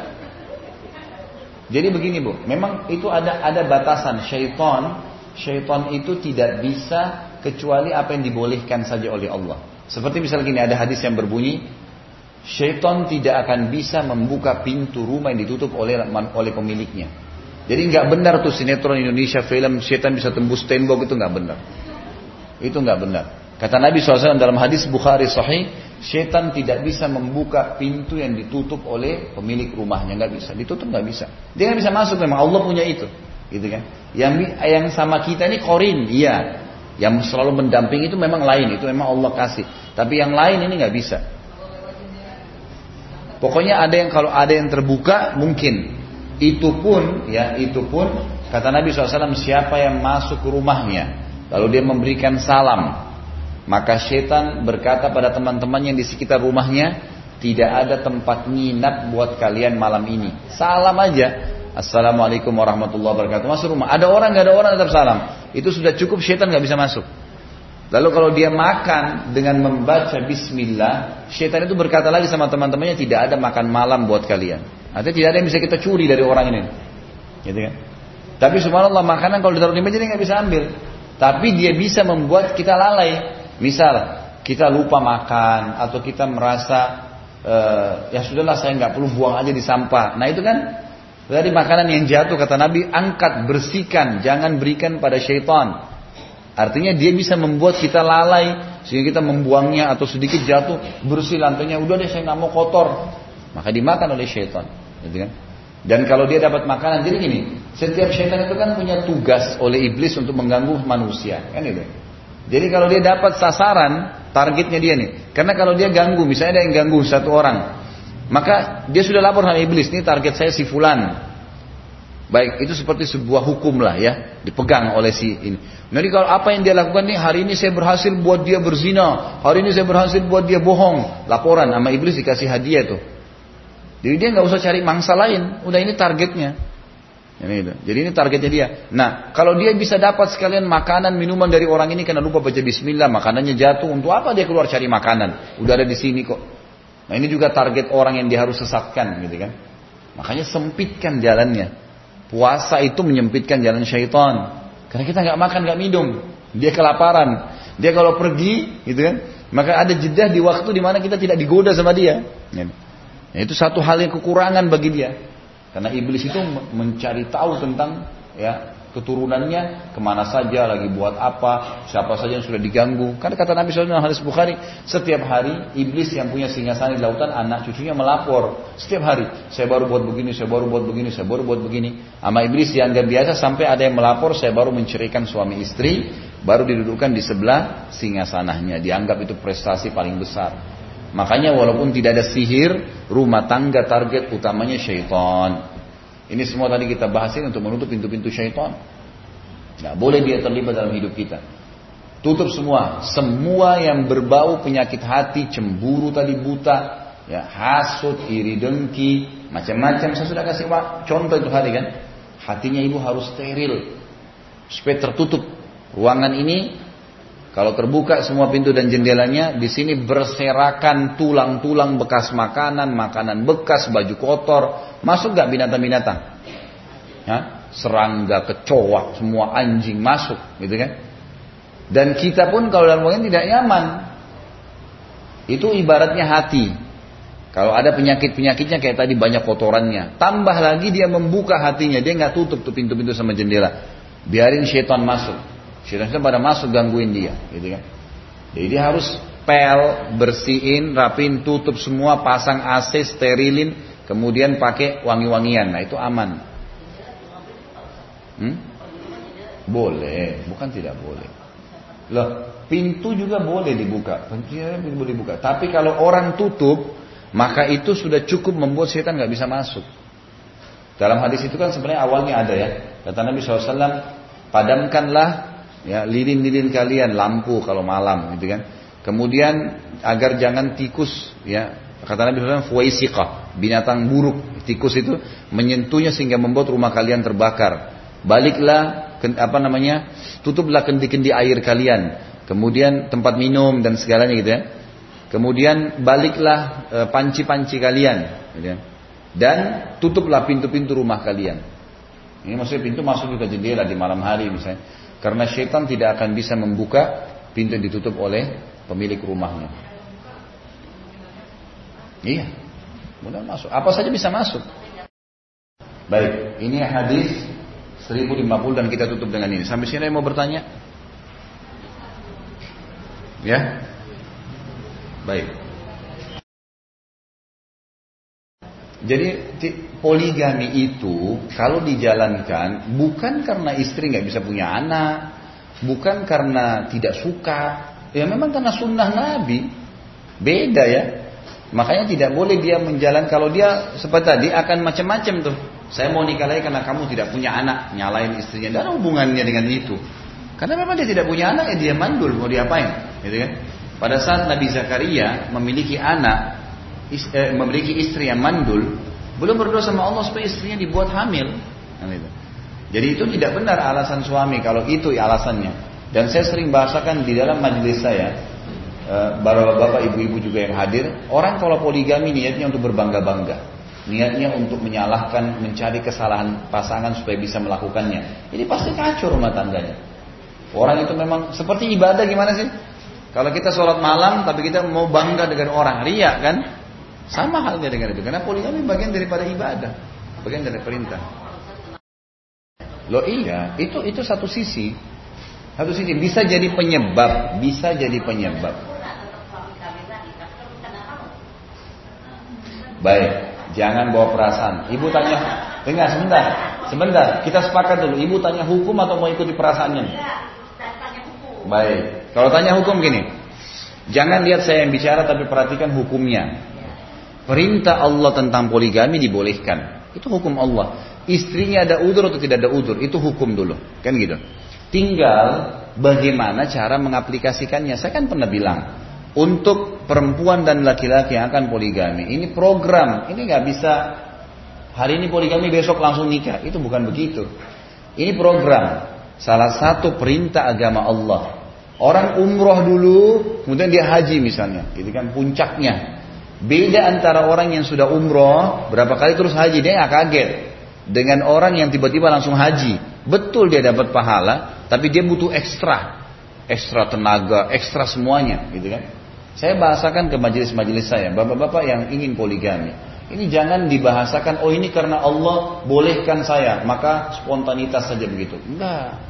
Ini level ibadah. Seperti kita kerja di satu kantor, gaji yang sama, ya, tingkatan jabatan yang sama tapi pekerjaannya ditambah. Kan gitu. Nah, saya bilang kepada majelis saya bapak, kalau bapak-bapak rasa bisa, mampu, orang poligami itu harus punya ekstra ya, saya gituin. Ekstra tenaga, ekstra materi, hmm, ekstra waktu. Bapak-bapak yang suka tidur banyak itu nggak bisa nikah poligami. Karena nanti bagi malam dengan istrinya, istri malam haknya istri bisa saja begadang sampai subuh tuh ngobrol apa itu haknya istri. Ya nggak boleh. Pagi dia kerja ngantuk itu risikonya, gitu kan. Jadi harus ekstra semua nih. Ini tuh. Kalau merasa bisa, maka lengkapkan dengan poin terakhir. Poligami bukan cuma anda sendiri, istri juga. Dia harus bisa dilibatkan di sini. Dilibatkan dalam kata memang diberikan pemahaman agama, kedua-duanya punya kejiwaan yang siap, silahkan jalankan. Ini kalau ideal, kita bicara idealnya, memang begitu. Saya bilang diplaningkan berapa tahun ke depan ingin dijalankan, maka lakukan program. Kalau enggak, tercukupkan ya sudah, gitu kan? Tidak ada sesuatu yang mendesak dia untuk itu. Insya Allah kalau ini idealnya ya, umumnya kalau laki-laki itu sudah terpenuhi, mereka tidak terfikir, gitu kan? Ada bahkan subhanallah ada ibu pengajian saya bilang, saya sampai bilang Ustaz sama suami saya nikah aja. Dia bilang saya nggak perlu. Begitu bahasanya, memang begitu. Karena dia merasa sudah cukup, gitu kan? Jadi kalaupun ada suami yang tiba-tiba melangkah, maka itu pasti ada ada indikasi-indikasi tertentu, gitu kan? Mungkin kadang-kadang ada motivasi dari temannya atau apa atau apa. Tapi insya Allah umumnya kalau dia sudah punya terpenuhi itu umumnya tidak. Dan saya rasa mungkin ibu-ibu sudah tahu kan gitu. Kalau yang memang suaminya selama ini ibu layan dengan baik, saya yakin dia tetap biasa saja gitu kan. Jadi tidak ada sesuatu yang yang menjadi beban di situ. Tapi yang perlu kita pahami hukum awal. Poligami dalam Islam perintah Allah. Jangan sampai kita bantah itu. Kalau kita SD belum paham pelajaran kuliah, apa yang kita lakukan? Tinggalkan pelajaran kuliah itu? Enggak. Kita belajar sampai ke jenjang itu, sampai kita memahaminya nantinya, gitu kan? Seperti itu maksudnya.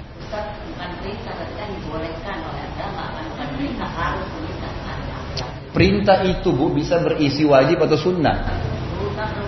Loh, perintah bisa berisi wajib, bisa sunnah. Tapi kalau saya bahas, kan ibu tadi menggarisbawahi kata-kata saya perintah. Emang perintah, perintah bisa wajib, bisa sunnah. Perintah Allah terhadap sholat lima waktu wajib. Perintah Allah terhadap sholat sunnah sunnah, gitu kan?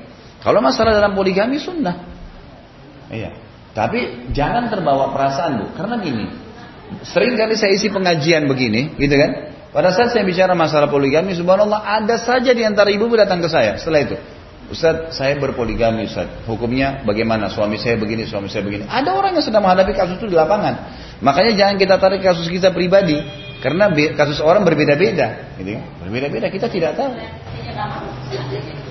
Ya itu itu masalah lain lagi. Itu perlu kita pak dalam tuh, dicari tahu kenapa dan dan itu panjang. Saya nggak bisa jawab ibu spontan, oh harusnya begini, susah, gitu kan?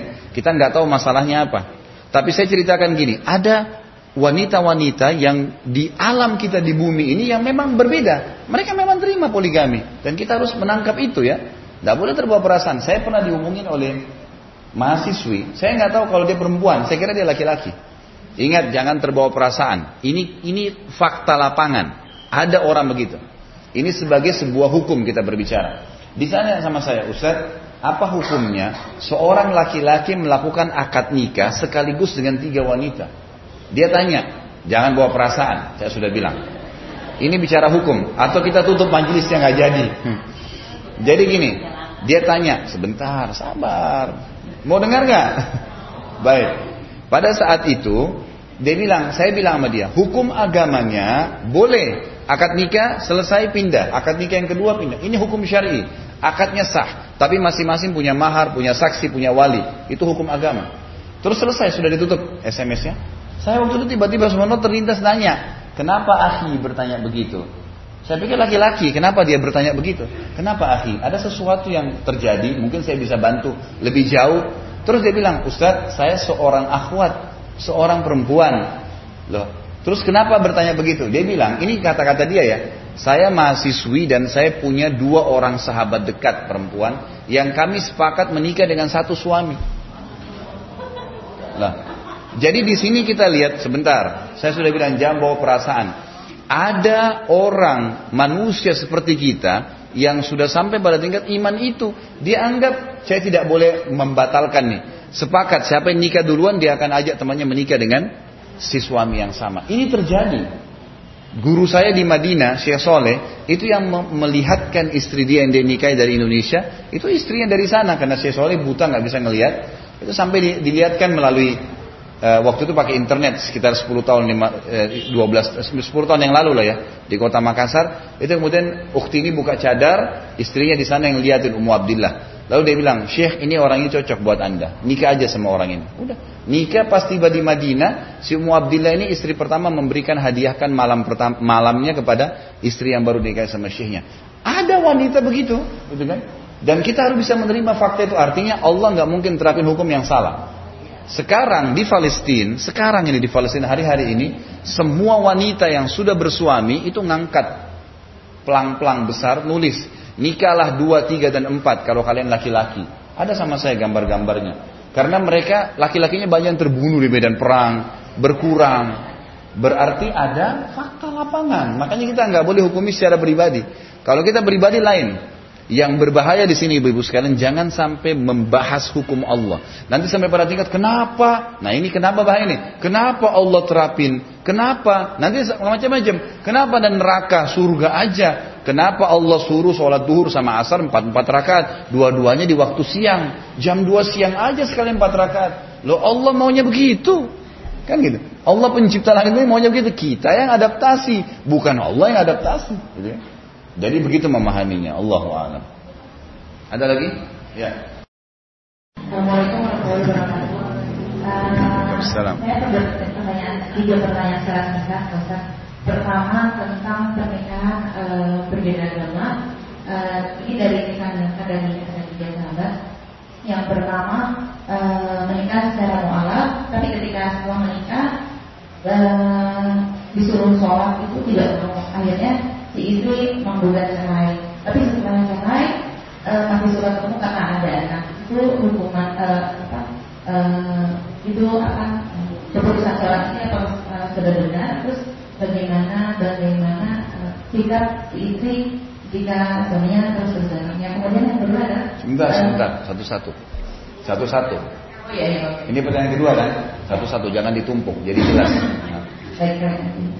Eh, pertama nikah eh, beda agama. Kalau perempuannya muslimah tidak boleh, haram hukumnya. Allah Subhanahu Wa Taala mengharamkan wanita muslimah nikah dengan laki-laki kafir, mutlak nggak boleh. Ini nggak boleh ya, sudah jelas nggak boleh. Ayat Al-Quran menjelaskan masalah itu. Waktu wanita-wanita perempuan yang masuk Islam di Mekah, mereka hijrah ke Madinah, suaminya pada protes di Mekah. Itu istri-istri kami pada ke Madinah itu. Padahal tidak izin sama suaminya. Katanya Muhammad ajarin harus izin sama suami dan seterusnya. Maka turun firman Allah subhanahu wa ta'ala kepada Nabi SAW.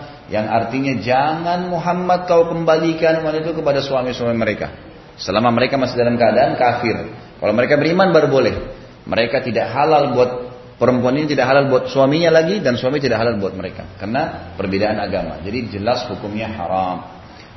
Dan yang kedua kayak berhubungan dengan masalah ini, kalau si laki-laki mengucapin syahadat, sahkan nikahnya sah. Asal nikahnya dengan cara Islam. Masalah dia disuruh sholat, disuruh ibadah belum mau ya sabar. Namanya mu'allaf. Ada nggak suami-suami yang muslim tidak sholat? Banyak, kan gitu. Ya itu konsekuensinya. Saya sudah bilang itu hari, kalau ibu mau hidupnya ideal, cari laki-laki yang ideal. Idealnya karena agama, itu saja. Cuma satu patokannya agama. Emang kalau azan ke masjid, emang orangnya suka dengan agama, tahu halal haramnya Allah, tahu haknya istri, itu akan aman tuh. Tapi kalau dari awal kita nikah dengan orang yang memang sudah berantakan, macam-macam, playboy lah, suka dusta lah, ya wajar lah, itu kan. Jadi tiba-tiba ada ibu-ibu bilang, Ustadz saya e, merasa terganggu karena suami saya selingkuh terus. Saya tanya, sebelum nikah sudah tahu nggak suaminya gitu? Sudah tahu Ustadz, playboy memang. Ya sabarlah. Gimana caranya? Masa nikah cerai, nikah cerai, nikah cerai ini gimana? Itu resikonya. Tinggal perbaikin dan doakan, gitu kan? Tapi kalau dia murtad, ini lain. Ini nggak boleh. Sama hukumnya. Zainab radhiyallahu anha, anak Nabi SAW menikah dengan As bin Nabi As. Itu waktu Zainab mengikrarkan kenabian Nabi Muhammad SAW ayahnya, As nggak mau. Abil As ini nggak mau nyebutin, nggak mau syahadat. Dipisahkan oleh Nabi SAW dari awal Islam di Mekah sampai perang Badar. Itu lama sekali tuh, itu kan waktunya. Maka pada saat itu setelah dia syahadat di tahun 2 Hijriah barulah Nabi SAW kembalikan tanpa nikah lagi. Sudah kita jelaskan ada hadisnya kemarin gitu kan. Jadi ini kasus ya. Kemudian bagaimana hukumnya kalau berinteraksi? Masalah istri tadi pisahkan diri itu sudah positif. Secara otomatis dia biar tidak ngadukan di pengadilan. Kalau secara agama begitu suaminya murtad udah putus hubungan. Tapi kapan dia kembali dia ke Islam lagi maka dia punya hak untuk kembali tanpa akad nikah, gitu kan? Iya, tentu saja. Hmm. Kemudian bagaimana hukumnya kalau suami istri cerai? Suaminya kafir atau muslim? Kemudian punya anak dan suami sering datang, gitu kan? Di sini ulama mengatakan dilihat maslahat dan mudaratnya. Kalau si mantan suami ini bermanfaat kalau datang menemui anak, tidak merusak keimanannya, maka boleh. Tapi kalau si suami kayak tadi kafir, datang kemudian mempengaruhi si anak sampai anak ikut murtad ini enggak bisa. Tidak boleh dipertemukan dan minta resmi dari pengadilan, ajukan di pengadilan. Bahasakan ini anak saya begini permasalahan dan saya minta dikeluarkan oleh pengadilan surat resmi orang ini nggak boleh temuin anak saya.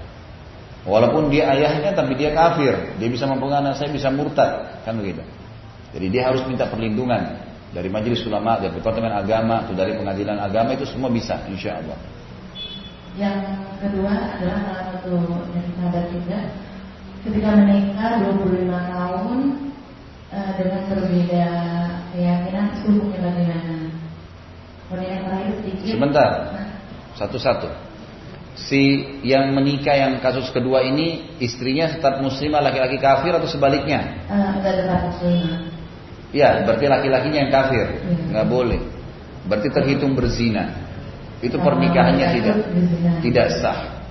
Kita kalau terbalik, kalau laki-lakinya yang muslim, perempuannya yang kafir dan masih ahli kita Yahudi atau Nasrani pernikahannya sah. Pernikahannya sah. Karena itu disebutkan dalam surah Al-Maidah. Yang terakhir Maaf, Al-Maidah ayat 5. Yang terakhir jika sudah menikah awalnya uh, menikah itu uh, mualaf, kemudian setelah menikah si suami kembali kepada agamanya itu hukumnya bagaimana? Sama. Sama, sama tadi, sudah sama, sama pertanyaan pertama. Berarti, oh iya. Berarti putus hubungan. Putus otomatis ya. Otomatis. Baik, terima kasih Ya. Ada lagi?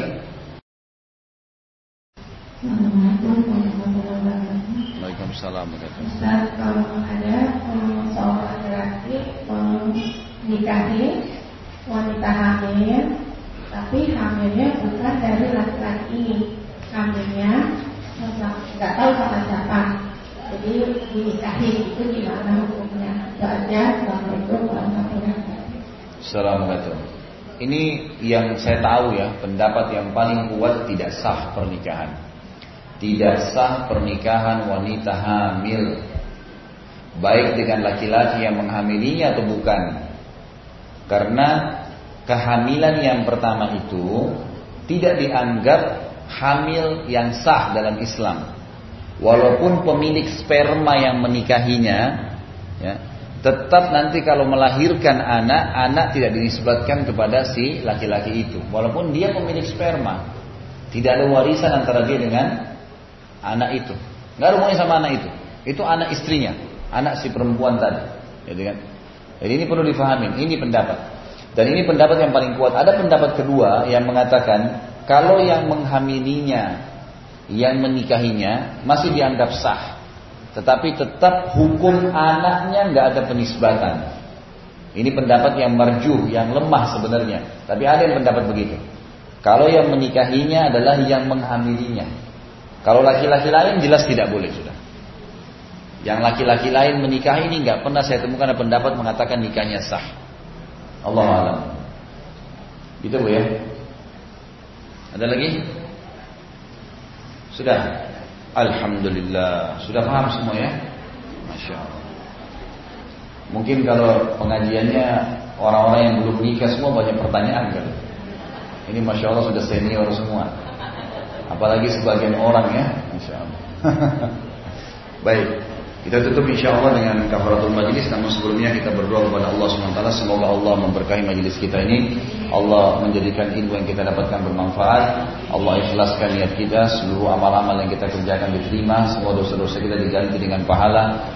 Seluruh orang yang belum mendapatkan hidayah Mendapatkan hidayah, sudah dapat hidayah Mudah diamalkan dan seluruh muslimin Di seluruh pelosok muka bumi Di Palestina, di Syria, di Yaman, di Myanmar Di mana pun mereka berada diberikan kemenangan dan kemuliaan Islam dan juga semoga Allah berikan partisipasikan kita pahala bersama mereka baik dengan doa, dengan jiwa dan juga dengan harta kita dan semoga Allah menyatukan kita di surga firdausnya tanpa hisab sebagaimana Allah satukan kita di majlis ilmu yang mulia ini.